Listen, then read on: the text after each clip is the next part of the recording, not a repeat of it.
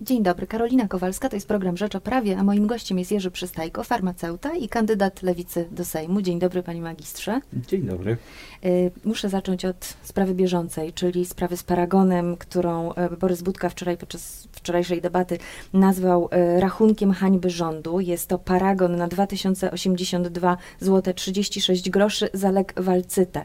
Ten lek, e, właściwie proszek do sporządzenia zawiesiny, od września miał kosztować 3,20 za opakowanie. Skąd taka suma na rachunku z września? Ja powiem, że podejrzewam, że to jest recepta pełnopłatna, bo lek we wrześniu wszedł do refundacji, albo jest to recepta w jakimś wskazaniu nieobjętym refundacją. Rzeczywiście tam było napisane, że to jest recepta na 100%. I kiedy, Tak. kiedy można wypisać taki lek na 100%? No, jest kilka takich sytuacji, albo y, jeżeli lekarz nie ma umowy z NFZ-em na wystawianie recept refundowanych, albo rzeczywiście, kiedy nie ma wskazania objętego refundacją. Czyli Czyli takiej Mhm. choroby, przy której refundujemy lek pacjentowi. Czyli to nie było tak, że to było dla dziecka po przeszczepie, bo dla tych dzieci w No Tutaj jest, tutaj jest trudno powiedzieć, y, o co chodziło w tym paragonie, dlatego że nie widzimy całej karty pacjenta, nie widzimy tego wskazania, które tam się pojawiło przy wystawianiu recepty. A czy pan jest sobie w stanie wyobrazić takie wskazanie, w którym właśnie mógł, mogło, trzeba by było zastosować ten lek, a nie byłoby to wskazanie związane z właśnie z upośledzeniem odporności po przeszczepie? Szczerze powiedziawszy, trudno mi wyobrazić sobie takie wskazanie, ale może jest to możliwe. Czyli to, to jest po prostu błąd troszeczkę taktyczny w tym momencie Borysa Budki, jego sztabu? Trzeba powiedzieć, że to jest y, pewnego rodzaju pomyłką. Mam nadzieję, że nie okaże się kosztowna dla koalicji. Dla pacjenta już się okazała kosztowna. Oj tak. E, W obecnej kampanii wyborczej, bo o tym chciałam głównie porozmawiać, pierwszy raz tak wiele miejsca poświęca się zdrowiu, ale nie tylko zdrowiu, bo chyba pierwszy raz tyle się miejsca poświęca polityce lekowej. Nie wiem, na ile ma to związek z kryzysem lekowym z lipca, y, sierpnia.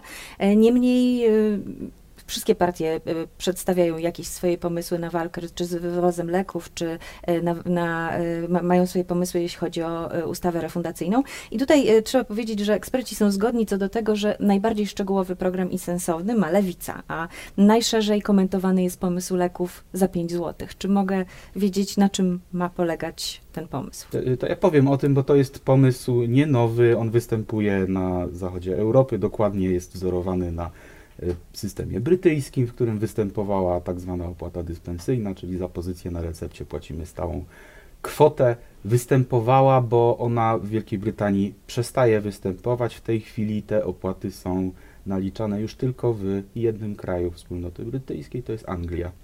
W Szkocji mamy leki ze zniesioną opłatą, także całkowicie bezpłatne. W Walii mamy całkowicie bezpłatne leki. Ja myślę, że w pewnym momencie Polska dojdzie do tego momentu, gdzie będziemy mogli po prostu powiedzieć, że leki na receptę są bezpłatne, ale na razie proponujemy rozwiązanie sprawdzone, przetestowane, przez ekspertów chwalone, czyli leki za 5 zł. Stała opłata, zdejmujemy z głowy pacjenta przemyślenia przed przyjściem do apteki, ile ja zapłacę za leczenie.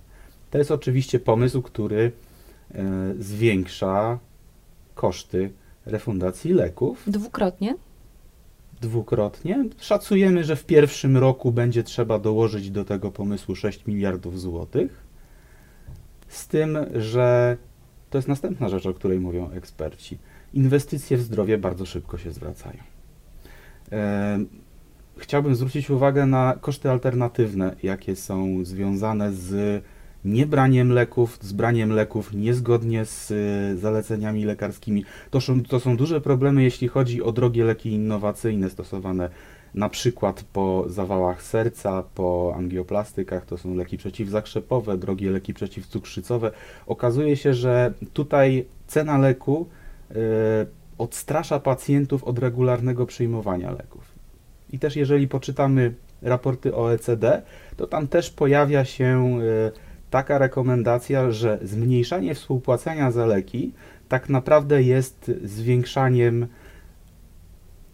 tego, jak pacjenci stosują się do zaleceń lekarskich. A kiedy pacjenci nie stosują się do zaleceń lekarskich, to też nie mają korzyści z farmakoterapii, bo najlepszy lek, który będzie stał na półce w aptece i będzie niewykupiony, nie zadziała na pacjenta i nie będziemy mieli tego, o co w leczeniu lekami chodzi, czyli efektu leczniczego. Czyli to jest tak, że jeżeli lek, bo wiem o takim leku jednym e, kardiologicznym, który powiedzmy kosztuje 600 zł za opakowanie, e, jest pełnopłatny i pacjenta raz na niego stać, a raz nie stać, albo bierze mniej, bo myśli, że na dłużej mu ten Znaczy, lek tu znowu też wystarczy. są, też są badania dotyczące nowych leków przeciwzakrzepowych robione przez y, NHS. Oni zauważyli, że korzyści, które wskazywali producenci przy wprowadzeniu tych droższych leków do refundacji, i przypominam, że tamte leki są wydawane w dużej części bezpłatnie z aptek, y, one znikają w momencie, kiedy mamy zjawisko non-compliance, czyli niestosowania się do zaleceń lekarskich. No i niestety w Polsce to zjawisko jest jeszcze pogłębiane tym, że te leki są koszmarnie drogie jak dla przeciętnego Polaka, bo rachunki na 200-300 zł w aptece miesięcznie to w tej chwili nie jest rzadkość. To są rzeczy, z którymi na co dzień zmagają się pacjenci po, yy, po wizycie na kardiologii choćby. Przeciętny człowiek może zadać tu pytanie, no dobrze, wszystkie leki będą kosztowały 5 zł, również te bardzo drogie i czy to nie zachęci do wywozu leków? A to jest też y, temat, który się zawsze pojawia przy y, takich postulatach, gdzie mówimy czy o bezpłatnych lekach, czy w ogóle o obniżeniu współpłacenia, że zaraz pojawią się mrówki i będą wywozić leki za granicę. Ja bym chciał przypomnieć, że ci pacjenci, my mamy w tej chwili erę, w której wchodzimy w czas e-recepty, e-karty pacjenta. Naprawdę Ministerstwo Zdrowia zaczyna mieć na bieżąco i na żywo dane, co się dzieje z lekami wychodzącymi z apteki, gdzie one idą, skąd one przyszły, gdzie są w aptekach i ja bym się tego w tej erze nie, nie obawiał.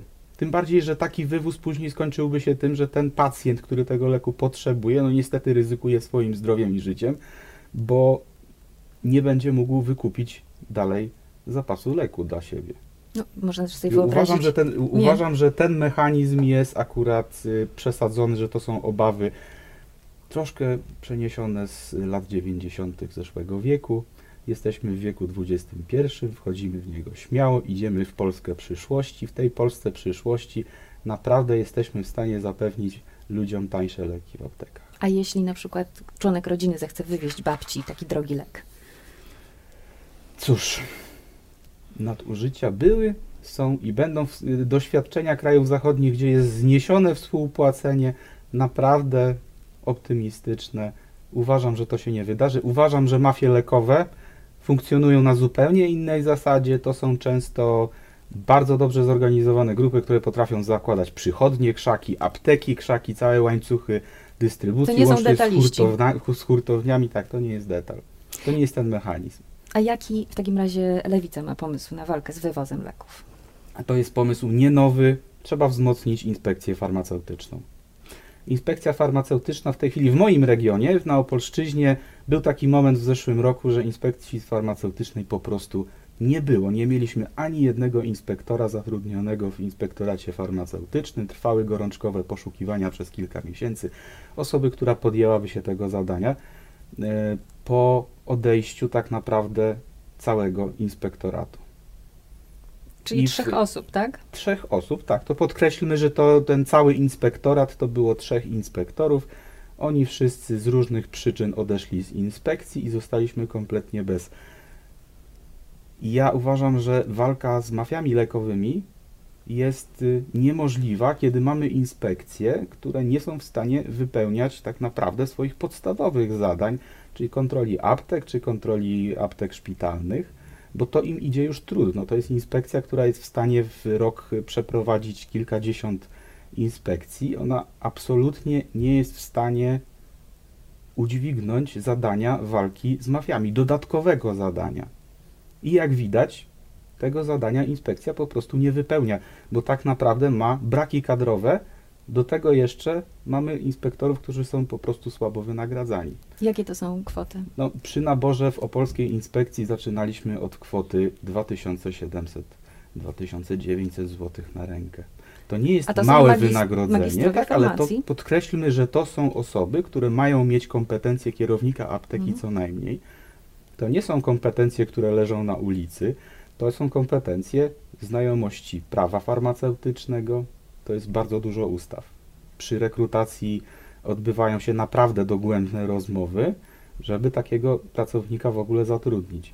Więc y, wyższe wynagrodzenia, wzmocnienie inspekcji farmaceutycznej i przede wszystkim więcej inspektorów. Bo jeżeli mamy to robić na poważnie, to róbmy to na poważnie, róbmy mocną inspekcję farmaceutyczną, wtedy będziemy mieli rezultaty wal walki z mafiami lekowymi, będziemy, będzie to miało ręce i nogi. W tej chwili, kiedy mamy braki kadrowe w inspekcjach w całym kraju, na które prasa branżowa zwracała uwagę wielokrotnie, to ja szczerze powiedziawszy, słabo widzę tą walkę z mafią lekową i nie dziwię się, że ona do dzisiaj wygląda tak, jak wygląda. PiS ma taki pomysł, żeby stworzyć Urząd Nadzoru Farmaceutycznego, który połączy kompetencje URPL-u, y, innych Instytutu Leków, wszystkich tych y, instytucji, które dzisiaj są odpowiedzialne za nadzór nad lekami. Czy to jest dobry pomysł, czy bez wzmocnienia inspekcji? Sam w sobie pomysł nie jest zły. Z tym, że jeżeli stworzymy urząd, który będzie słabszy niż te dwa, które połączymy, to znowu wylądujemy w tej samej sytuacji, w której jesteśmy teraz. Tak się po prostu stanie. Myślę, że czy my nazwiemy to Urzędem Nadzoru Farmaceutycznego i połączymy tutaj dwa, czy będziemy mieli dwa osobne. Jeżeli ich nie wzmocnimy, nie dofinansujemy, nie będziemy im dawać i ludzi i pieniędzy na realizację zadań, które mają wykonywać, to niestety to się nie uda. Niestety mam też y, takie poczucie wobec tego rządu, że to jest rząd, który bardzo wierzy w bezkosztowe reformy.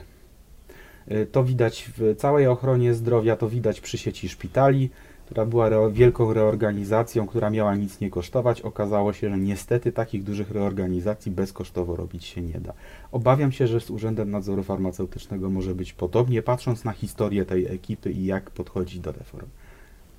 A co z właśnie z bezpieczeństwem lekowym, o którym się tyle mówi? Polscy producenci leków bardzo ubolewają nad tym, że nie wprowadzono e, obiecywanego refundacyjnego trybu rozwojowego, który by gwarantował pewne przywileje e, w refundacji za to, że ktoś wytwarza produkty, produkuje po prostu leki w Polsce. Czy to by było gwarantem bezpieczeństwa lekowego, czy potrzebujemy wręcz e, fabryki substancji podstawowych? Znaczy, ja, ja jestem zwolennikiem niewytrącania sobie narzędzi z ręki uważam, że publiczny producent leków, stworzony na bazie już posiadanej na przykład przez Skarb Państwa Polfy Tarchomin mógłby wypalić. Druga sprawa to jest wspieranie producentów, którzy y, są niezależni od importu, bo tutaj o uzależnienie od importu substancji czynnych najbardziej chodzi. Y, tutaj jest pięta achillesowa dzisiejszego systemu. Y, chcieliśmy przez import substancji czynnych z Chin, z Wietnamu, obniżyć koszty. To się udało. Niestety na tym etapie zaczęły pojawiać się trudności, bo żyjemy w świecie, w którym naprawdę mamy bezwzględne pompowanie cen leków na wszystkich etapach produkcji i produkcja substancji czynnych nie jest tutaj wyjątkiem. Mamy przerażające sytuacje takie jak choćby przykład sprzed lat Martina Szkrelego, po prostu wykupił lek sierocy i podbił na nim cenę. E, w Polsce niestety price hiking też występuje. E, myślę, że publiczny producent leku mógłby być takim bezpiecznikiem, który nas e, chroni przed różnymi wpadkami, które rynek farmaceutyczny na całym świecie i w Polsce również ma. Żeby nie być gołosłownym, to jest temat, który pojawia się w tej chwili na całym świecie, nie tylko w Polsce. I ja powiem jedno. Uważam, że refundacyjny tryb rozwojowy powinien zostać wprowadzony już dawno, bo to jest rozwiązanie, które dla przykładu wprowadziła Hiszpania i ono tam działa. Co się u dzieje, że, że, że, u nas nie działa? To był jednak w jakiś po, sposób pomysł rządu PiS, którego ciągle y, przestawia, y, przekształca i mamy 4 lata, czy 3 od w ogóle zapowiedzi pomysłu i nic się nie dzieje. Szczerze powiem, że dziwi mnie ta niemożność i to jest coś bardzo podobnego jak przy leku Walcyt bo to był prosty ruch Ministerstwa Zdrowia, który ministerstwo mogło po prostu Przypomnijmy, co się zrobić. działo z lekiem Walcyt, który podrożał w momencie, kiedy weszła ekipa PiSu, wypadł z grupy, przesunął się limit, rozumiem, w grupie tak e, limitowej to, to i zaczął kosztować ogromne pieniądze. Najpierw kosztował 300 zł, potem było 600 zł, w końcu... Jeżeli e, ja dobrze pamiętam, to ja kilka lat widzę pacjentów na Walcycie, którzy chodzą na Komisję Zdrowia do Sejmu, i po prostu mówią o swoim problemie. Ostatnia cena Cieszę się, że udało złotych. się go w zeszłym miesiącu naprawić i mam wrażenie, że to było proste. Ale dopiero w zeszłym miesiącu na, Tak, pojawi się na ostatniej polskich liście. producentów leków widać na komisjach zdrowia dokładnie tak samo przez całą kadencję chodzą za refundacyjnym trybem rozwojowym, odbywają się szumnie zapowiadane debaty, w Krynicy debatujemy i nic. Co to jest się musi, rozwiązanie, co które musi powinno stać? wejść. Skąd ten opór? Nie mam pojęcia, lewica nie ma tego oporu, żeby zapewniać bezpieczeństwo lekowe Polsce. A co z narod, właśnie, Narodowa Fabryka Leków na bazie Polfy? W jaki sposób miałoby to być yy, To byłby rozwiązane? producent leków podstawowych.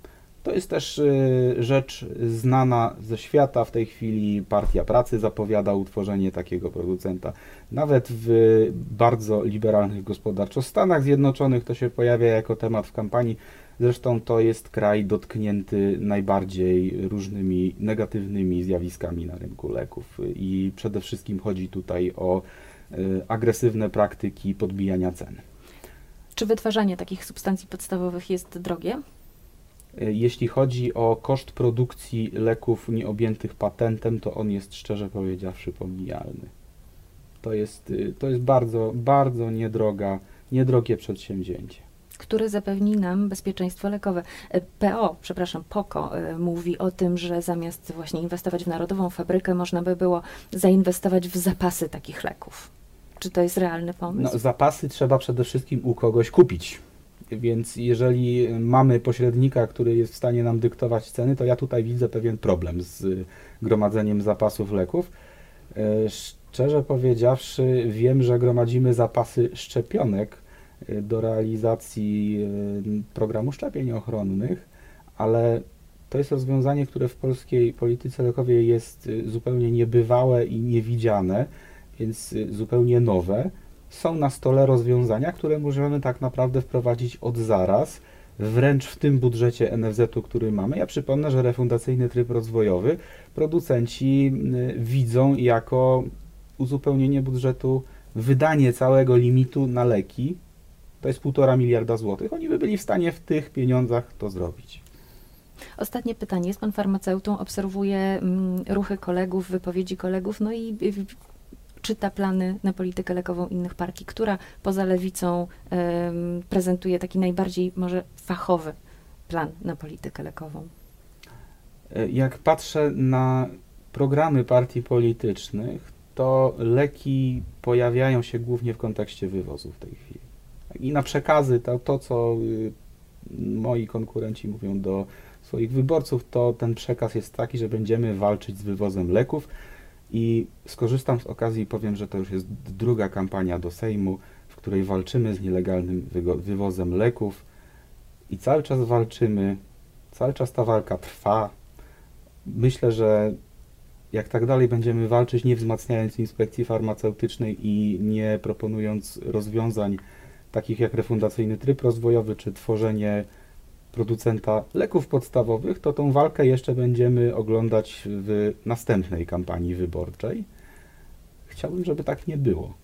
Między innymi po to jest lewica i po to chcemy pokazać Polakom państwo przyszłości, państwo, w którym tych problemów już nie ma.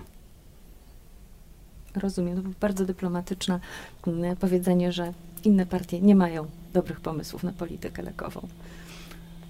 My mamy nasz pomysł, prezentujemy go wyborcom, jesteśmy w stanie przekonywać w Sejmie naszych konkurentów, naszych współposłów do tych pomysłów, tak żeby je wprowadzić w życie. No to jest to, o czym mówią w tej chwili na przykład lekarze w akcji Polska to chory kraj. Myśmy się jako komitet pod nią po prostu podpisali, ale żadna jedna partia nie jest w stanie wprowadzić e, zmian w ochronie zdrowia, takich jakie potrzebujemy. Tu jest naprawdę potrzebny ponadpartyjny konsensus. Cieszę się, że w tej kampanii mówimy o tym, że nakłady na ochronę zdrowia muszą wzrosnąć. Cieszę się, że będziemy mówić o tym w przyszłym Sejmie. Jako Lewica jesteśmy gotowi przekonywać do dobrych rozwiązań. Dziękuję bardzo. Dziękuję. Dziękuję. Dziękuję Państwu. Moim gościem był Jerzy Przystajko, farmaceuta i kandydat Lewicy do Sejmu, a ja zapraszam na Rzecz o Prawie na jutro na godzinę 13.